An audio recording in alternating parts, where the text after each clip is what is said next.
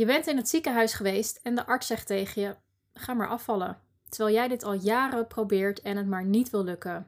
Doe jij nu iets verkeerd of is het echt lastiger als je PCOS hebt? Hi, leuk dat je luistert naar de SOS PCOS podcast. In deze podcast gaan we jou alles vertellen over de feiten en fabels op het gebied van PCOS, want dat zijn er nogal wat. Ik ben Margot de Roon en samen met Charlotte Adema, oprichter van het wetenschappelijke PCOS-platform Lifestyle en Hormoons. Wij helpen vrouwen hun levensstijl zo aan te passen, zodat ze minder last hebben van de PCOS-gerelateerde klachten. Wij zijn diëtist en gezondheidswetenschapper en gebruiken de wetenschap om de zin van onzin te onderscheiden als het gaat om PCOS, hormonen, lichaam en gezondheid. Wij zijn super blij dat je er bent en meer wilt leren over PCOS. Daar gaan we! Ja, het standaard advies. Ga maar aan de pil en val wat af als je geen kinderwens hebt. Of als je wel een kinderwens hebt. We kunnen pas wat doen als je BMI onder bijvoorbeeld de 35 is. Dat is een tekst die jij misschien ook wel te horen hebt gekregen toen je in het ziekenhuis bent geweest. Maar ja, dat even afvallen, dat gaat eigenlijk niet zo makkelijk. Zeker niet bij PCOS. Afvallen kan voor iedereen al moeilijk en frustrerend zijn, maar voor vrouwen met PCOS nog even een extra uitdaging. Wat weten we hier eigenlijk allemaal over? Nou, wat we hierover weten is dat 75% van de dames met PCOS last heeft van ongewenste kilo's. En een van de meest voorkomende symptomen is dus gewichtstoename. Sommige onderzoekers die zeggen ja, door het overgewicht heb je PCOS gekregen of door de PCOS heb je overgewicht gekregen. En dat is nog niet helemaal duidelijk, want er zijn namelijk ook vrouwen die wel PCOS hebben, maar geen overgewicht hebben. Nou, heel frustrerend. Het blijkt ook dat vrouwen met PCOS twee keer lastiger afvallen dan vrouwen zonder PCOS. Dus jouw vriendinnen vallen met hetzelfde afvalprogramma wel af. En jij niet. En dat is natuurlijk ook heel erg frustrerend. Dus op het moment dat jij dus te horen krijgt dat jij niet hard genoeg je best doet, of meer wilskracht moet gaan gebruiken, of dat je lui bent, ja, dat is natuurlijk heel erg naar. Het is dus ook echt een fabel dat vrouwen met PCOS lui zijn. Ja, ik denk dat dat laatste goed is om te onthouden. Want vrouwen zeggen wel eens: ik lijk wel aan te komen van lucht. Nou wordt natuurlijk altijd heel snel gezegd: nou, dat, is, dat lijkt me een beetje onzin. Maar we zien gewoon dat vrouwen met PCO echt, echt veel sneller aankomen. Dus er lijkt hier toch een beetje een kern van waarheid in te zitten. Ja, ik denk dat afvallen überhaupt sowieso een hot item is. Als we zien hoeveel mensen op Instagram al bezig zijn met het promoten van diëten. Omdat het een hot item is, zijn er ook zoveel diëten. En ze lijken ook allemaal gouden bergen te beloven. Dus denk bijvoorbeeld aan het appel- en het ei-dieet. Nou, ik had deze weer voorbij zien komen dat iemand begon met een dieet. En de eerste dag was een appel- en een ei-dieet. En dan moet je dus vijf appels eten en drie eieren, geloof ik. Volgens mij is dat gewoon om je wilskracht te testen. Want ik vraag me af wat de zin hierachter is. En een van de andere diëten die ook super populair zijn geweest, vooral in de jaren 50, is het sherry-dieet. Namelijk een briljante oplossing bij elke maaltijd, die overigens heel klein is, drink je een glaasje sherry. Dan gaan je bloedvaten iets verder openstaan. En het idee daarachter zou dan zijn geweest dat je dan dus makkelijker gewicht verloor. Nou, er zijn uh, ook best wel wat influencers in die tijd, waaronder bekende voetballers geweest, die bij een blessure niet wilden aankomen en daarom het sherry-dieet maar gingen volgen. En koningin Juliana is ook een bekend voorbeeld geweest die het sherry-dieet heeft gevolgd. Diëten is van alle tijden al blijkbaar, maar het is meer populair dan ooit op dit moment lijkt het wel. Bijzonder hoeveel diëten er op de markt zijn. Wat, wat denk jij als je een schatting zou maken, hoeveel verschillende diëten zouden er zijn in de wereld? Oef, Oh man, ja, ik ken er natuurlijk al best wel een hoop. Hè? Atkins, Cambridge, appel-ei-dieet. Uh, we hebben cherry-dieet, koolhydraatarm, keto, intermittent fasting als een vorm van dieet, eiwitten-dieet, shakes-dieet, eiwitrepen-diëten. Nou echt, noem het op. Ik denk dat er, ik denk dat er echt een paar duizend diëten wel zijn. Ik denk het ook, ja. En dat is ook het lastige, omdat het zo'n hot item is. Ehm, zijn er ook ontzettend veel therapeuten en bedrijven die gouden bergen beloven. En echt op de wanhoop van vrouwen zitten. Voor vrouwen die zoveel moeite hebben met afvallen. En er wordt ook ontzettend veel geld uitgegeven aan peperdure supplementen die de wereld gaan beloven. Ja, dat is toch wel erg zonde als je daarin trapt. Want een, één supplement of één voedingsmiddel uh, of twee voedingsmiddelen zoals appel en eieren eten, gaan jou niet van je klachten afhelpen of voor een duurzame verandering zorgen in je leefstijlpatroon. Als iemand zich bij ons aanmeldt, dan merk je ook al dat iemand zegt: Ik heb al alles geprobeerd. Ja, dat zijn weer van die bekende diëten. Er is weer een of andere influencer die wat, weer wat de markt opgeslingerd heeft. En het is heel frustrerend, want eigenlijk als professioneel zorgverlener mensen helpen een dieet dus niet alleen maar te volgen omdat je wil afvallen, maar ook een dieet volgen omdat je überhaupt lekkerder in je vel wil zitten. Of omdat je überhaupt je klachten wil verminderen. Daar wordt veel minder op gefocust. Hè? Als we het gaan hebben over diëten, gaat het altijd over gewicht. Maar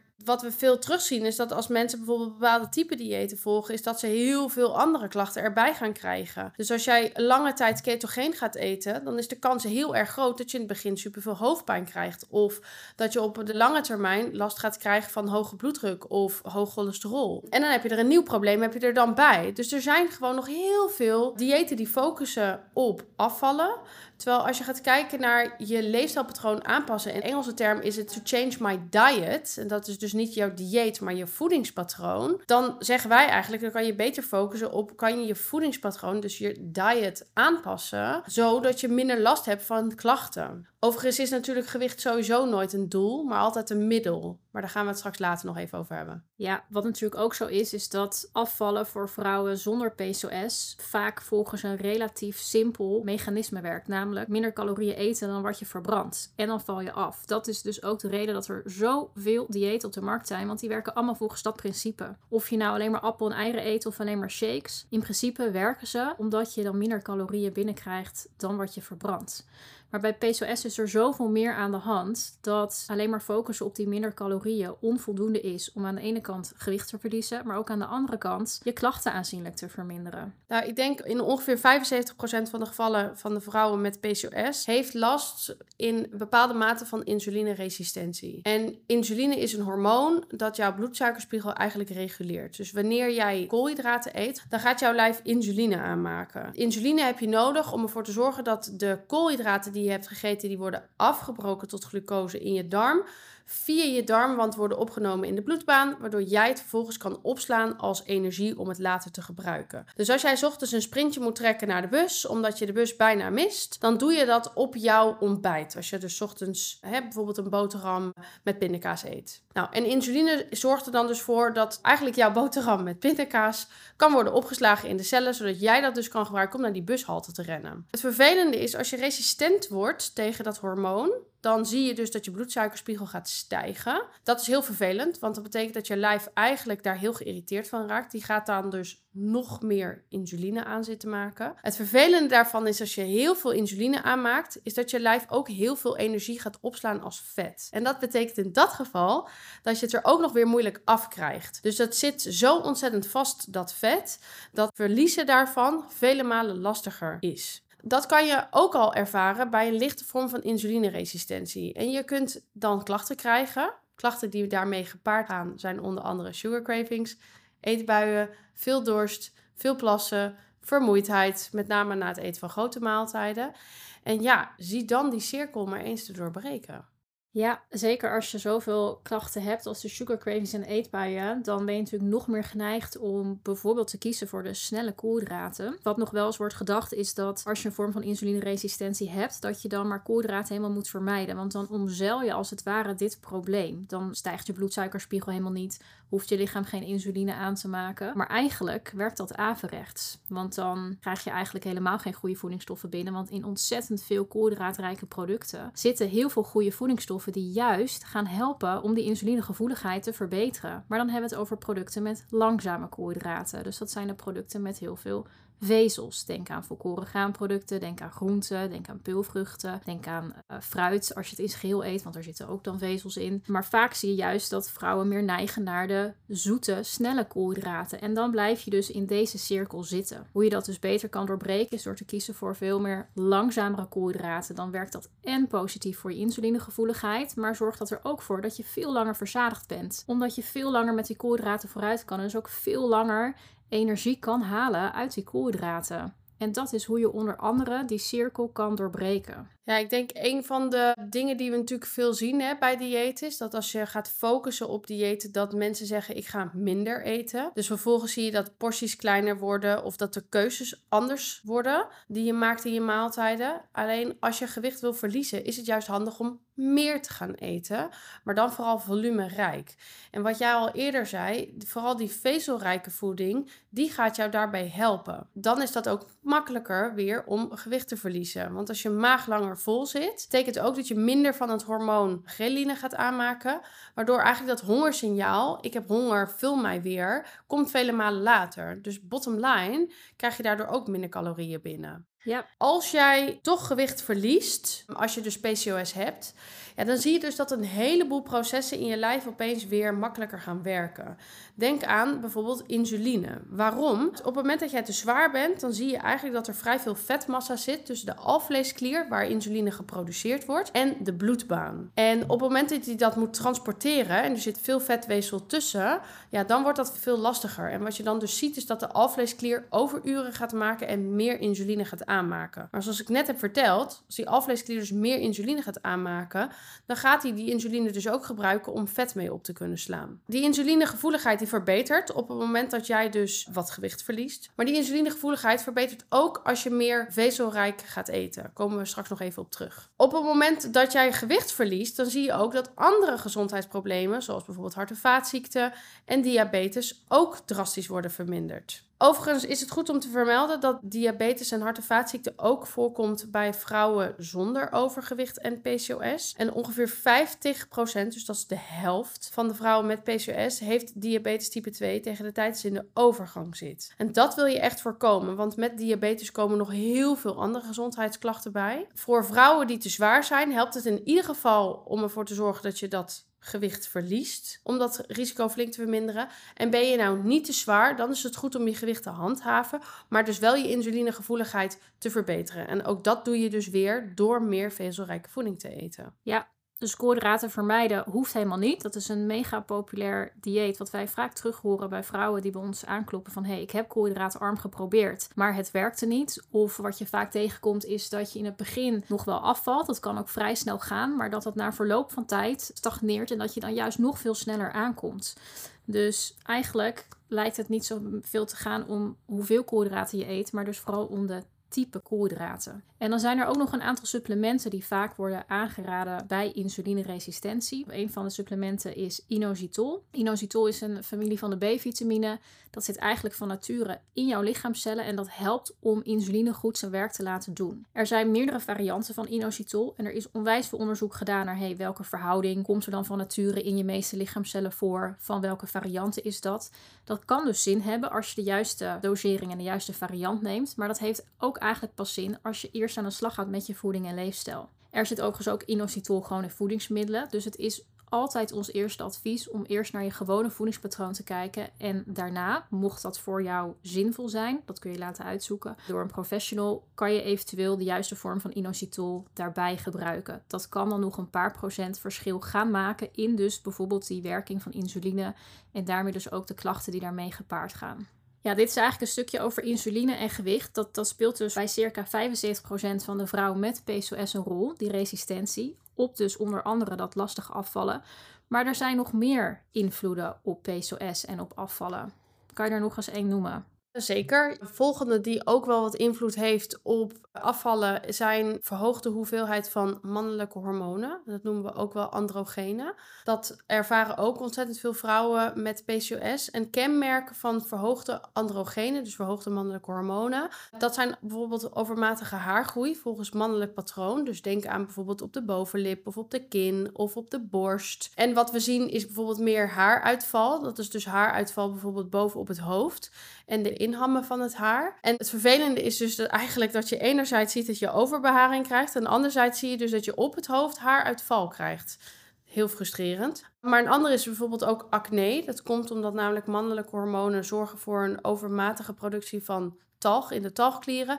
En dat kan vervolgens acne veroorzaken. Er zijn ook diverse studies die de verhoogde productie van mannelijke hormonen linken weer aan insulineresistentie. Dus ze werken elkaar dus helaas ook nog eens een keer in de hand. Ja, naast mannelijke hormonen is er nog een factor waar vaak van sprake is bij vrouwen met PCOS, namelijk laaggradige ontstekingen. Dat is ook iets wat gewichtsverlies voor mensen met PCOS kan bemoeilijken. Of je laaggradige ontstekingen hebt, kan je merken aan reeks aan vage klachten, zoals hoofdpijn, darmklachten, wat vaker ziek zijn, sneller pijn hebben, sneller last van onrustige huid, vermoeidheid. Het zijn eigenlijk de klachten die ook gepaard gaan bij de griep, maar in dat geval bij laaggradige ontsteking heb je dan geen koorts. En een klacht waarbij je denkt van, hm, ik voel me een beetje meh. Ik heb het idee dat ik niet helemaal fit ben. Ik heb het idee dat ik me beter zou moeten voelen dan dat ik me voel. We zien dan vaak dat terug in jouw microbioomsamenstelling. Dat betekent alle gisten, bacteriën, schimmels, uh, et cetera, in je darmen. We zien dan vaak dat die samenstelling niet optimaal is. En die is wel super belangrijk, want gezonde darmbacteriën spelen onder andere een rol bij jouw stofwisseling en daarmee dus ook jouw gewicht. En er zijn diverse onderzoeken die suggereren dat vrouwen met PCOS mogelijk minder goede gezonde darmbacteriën hebben dan vrouwen zonder PCOS. En er is ook wat nieuw opkomend onderzoek die laat zien dat bepaalde probiotische stammen ook een positief effect kunnen hebben op gewichtsverlies. Dus dat betekent dat het eten van voedsel met veel probiotica, zoals yoghurt of kefir, zuurkool of ander gefermenteerd voedsel, kan helpen het aantal nuttige darmbacteriën te vergroten. Nou, dit laatste is nog wel iets wat nog eh, in de kinderschoenen staat als het gaat om onderzoek. Maar we weten wel over het algemeen dat hoe beter je je darmen aan het voeden bent, hoe sterker je immuunsysteem, hoe beter je metabolisme en stofwisseling. En dus ook waarschijnlijk hoe makkelijker je gewicht kunt verliezen. Waar je overigens laaggradige ontstekingen ook uh, aan zou kunnen meten, is naast dat je het feit dat je het misschien moet laten onderzoeken, kun je het eigenlijk wel heel vaak zien aan je stoelgang. Op het moment dat jouw stoelgang alle kanten op gaat, dus de ene dag heb jij obstipatie, de volgende dag heb je diarree, of dat fluctueert ook nog eens een keer van dag tot dag, of je kan ook nog eens een keer allebei hebben. Dus dan heb je en obstipatie en diarree tegelijkertijd. Nou, dat is natuurlijk al helemaal uh, één grote ellende. Daaraan merk je het ook. Dus we hebben een stoelchart, dat heet de Bristol stoelchart. En dat is eigenlijk op schaal van 1 tot 7, hoe ziet je stoelgang eruit? Nou, als je daar geïnteresseerd in bent, check dan even de Bristol stoelchart. Als jij dus niet op die type 3 of 4 zit, dan kun je eigenlijk bijna altijd wel spreken dat er iets aan de hand is aan de binnenkant. En dat zou dus mogelijk ook dus die laaggradige ontstekingen kunnen zijn. En daarnaast geeft het natuurlijk ook allemaal van die hele vage klachten die jij net eerder benoemd, hè? Zoals vaker ziek zijn, darmklachten, hoofdpijn. Je gewoon algeheel een beetje mee voelen. Dus we zien het aan twee kanten. Aan je stoelgang die niet optimaal is. En we zien het aan vaak hele vage klachten die niet echt definieerbaar zijn. Ja, en uiteindelijk hebben je darmen zowel lichamelijk als hormonaal als mentaal een enorme invloed. Waar eerst werd gedacht dat je darmen vooral bedoeld waren om bepaalde voedingsstoffen af te breken, is er de laatste jaren steeds meer onderzoek naar gedaan naar hoe belangrijk het is voor je mentale, je lichamelijke en je hormonale balans. Dus ontzettend belangrijk om daar aandacht aan te besteden. En ook wederom daarvoor zijn onder andere vezelrijke producten ontzettend goed. Dat is eigenlijk de voedingsbodem voor je darmen. En we eten over het algemeen veel te weinig vezels. En vezels vind je ook dus weer in koolhydraatrijke producten. Dus ook daarom is het eigenlijk helemaal niet handig om koolhydraten te gaan vermijden, bijvoorbeeld. Wat wel leuk is trouwens nog om te vertellen, want ik heb natuurlijk een paar jaar geleden ook nog veel onderzoek gedaan naar darmen. In Leiden is een poepdonorbank. En die poepdonorbank, daar blijkt, heb ik een keer van een van die mensen die daar werkte gehoord, 98% van de Nederlanders is niet geschikt om te doneren. Dat vond ik toen zo'n ontzettend groot getal. Maar daaraan blijkt toch dat dus darmproblematiek een enorm groot maatschappelijk probleem is.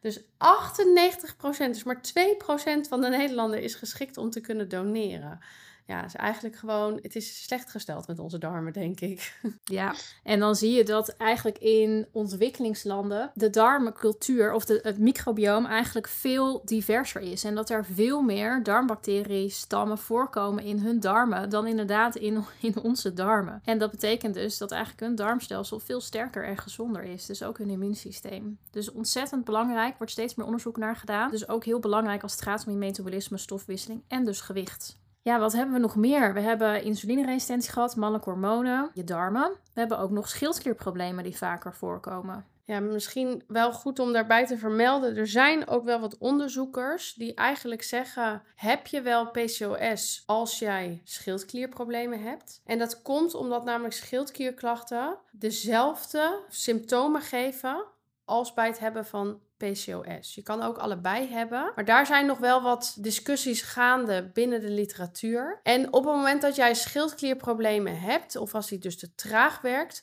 dan kunnen namelijk ook jouw eierstokken polysteus raken.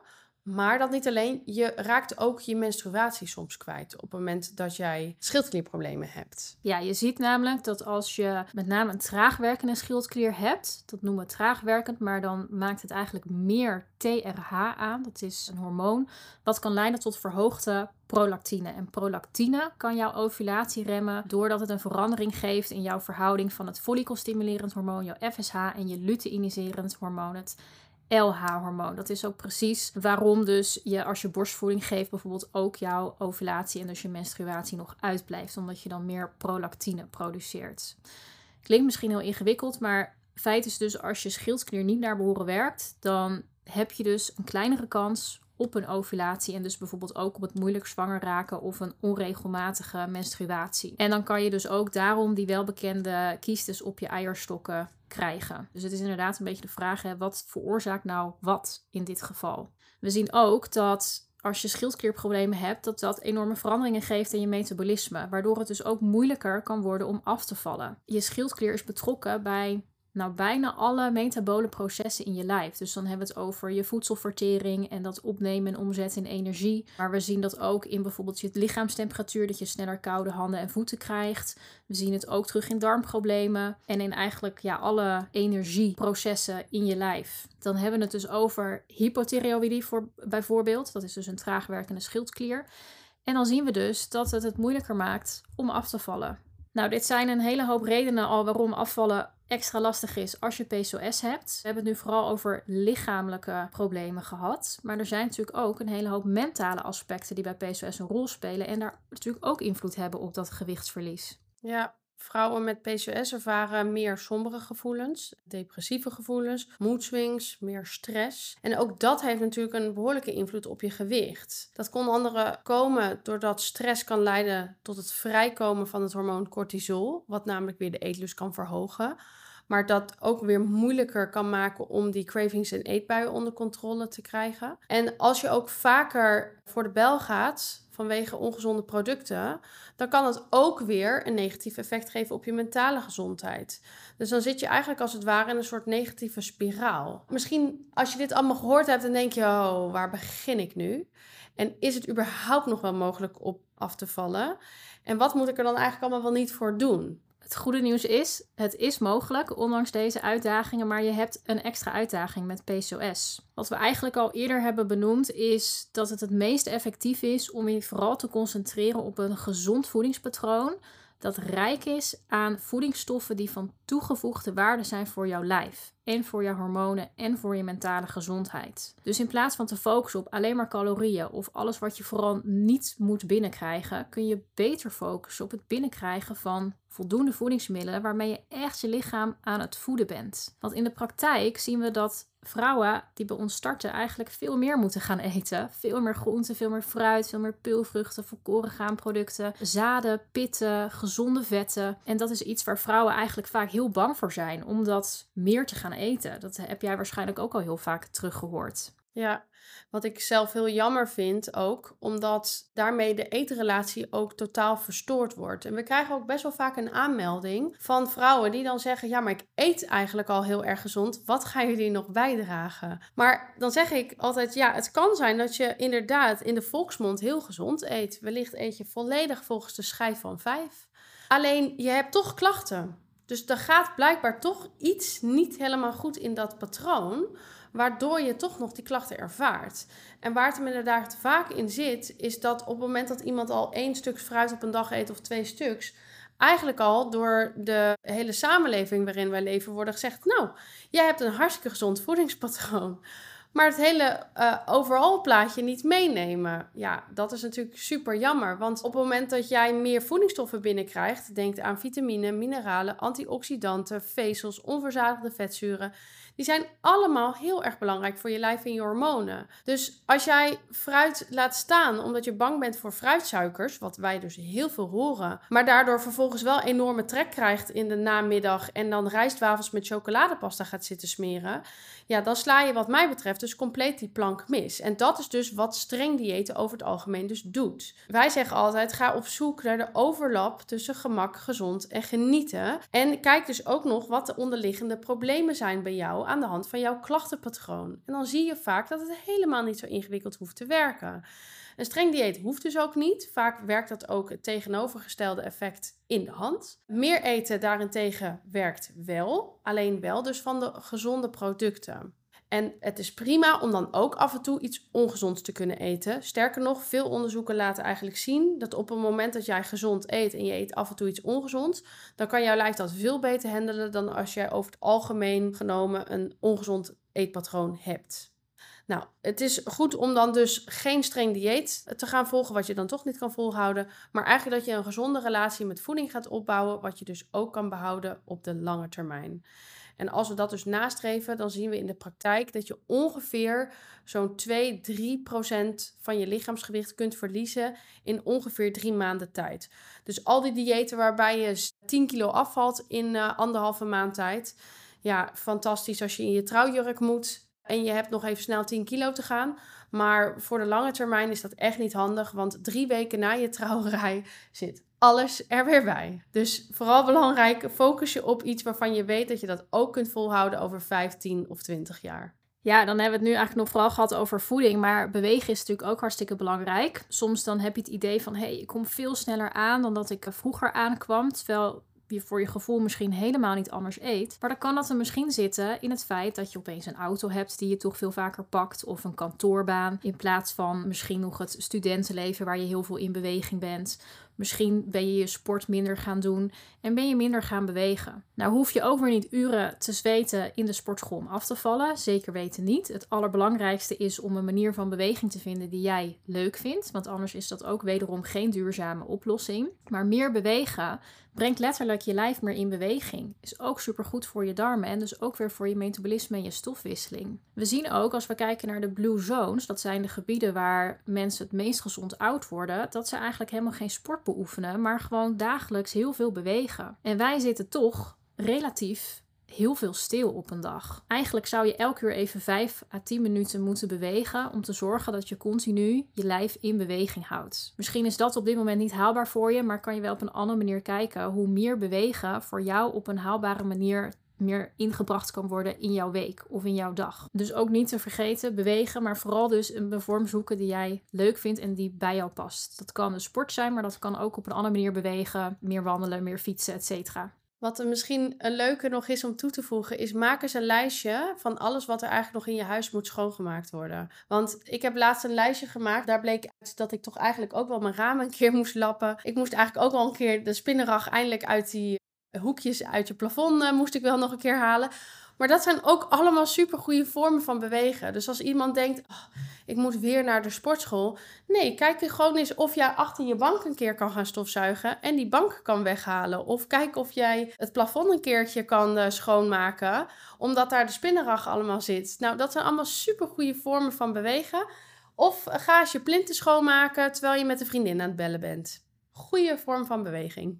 Goede tips. Ja, laten we stress ook niet vergeten. Stress dat kan een hele grote rol spelen in jouw leven. We zien ook vaker bij vrouwen met PCOS dat er meer stress of angst of sombere of depressieve gevoelens spelen. En we zien uit onderzoeken dat yoga, meditatie en mindfulness en dus ademhalingsoefeningen echt aanzienlijk stressverlagend kunnen werken. Misschien denk je in eerste instantie, nou, ik, dat, dat past niet bij me om een uur op een kleedje te gaan zitten en eh, met mezelf uh, naar mijn ademhaling te luisteren. Maar dat kan ook op een hele laagdrempelige manier door naar een bepaalde podcast te luisteren die hier wat over vertelt. Of een vijf minuten durende ademhalingsoefening te doen op het moment dat je je werkdag wilt afsluiten. Of misschien vind je een wat actievere vorm van yoga die wat beter bij jou past, maar ook op een manier meer bewustwording vraagt van je lijf.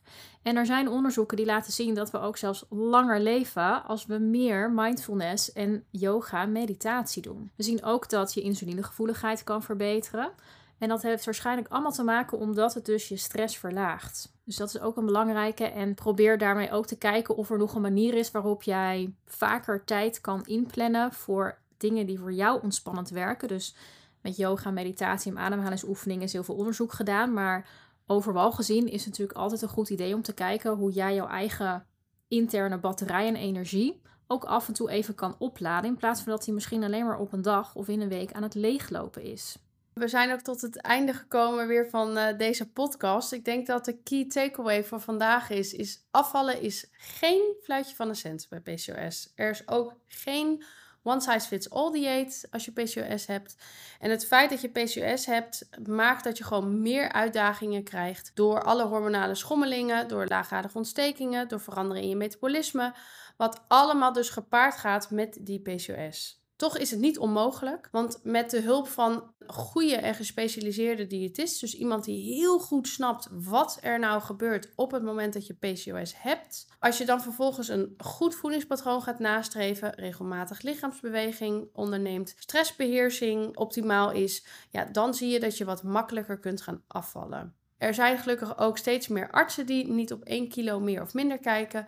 Zeker als jij kan laten zien dat je echt een gezonde leefstijl nastreeft. En vergeet ook niet dat er dus nog veel meer is dan alleen die kilo's. Wat uh, jij al eerder zei, Charlotte, in de podcast is: afvallen is altijd een middel naar een ander doel en nooit een doel aan zich. En door naar dat doel te kijken en daarop te focussen, zie je vaak nog veel meer positieve effecten ontstaan als je aan de slag gaat met je leefstijl. Dus minder darmklachten, meer energie, verlaagde risico's op zwangerschapscomplicaties en gewoon beter in je vel zitten, lichamelijk en mentaal. Nou, hier gaan we uiteraard nog veel meer bij stilstaan in deze podcast.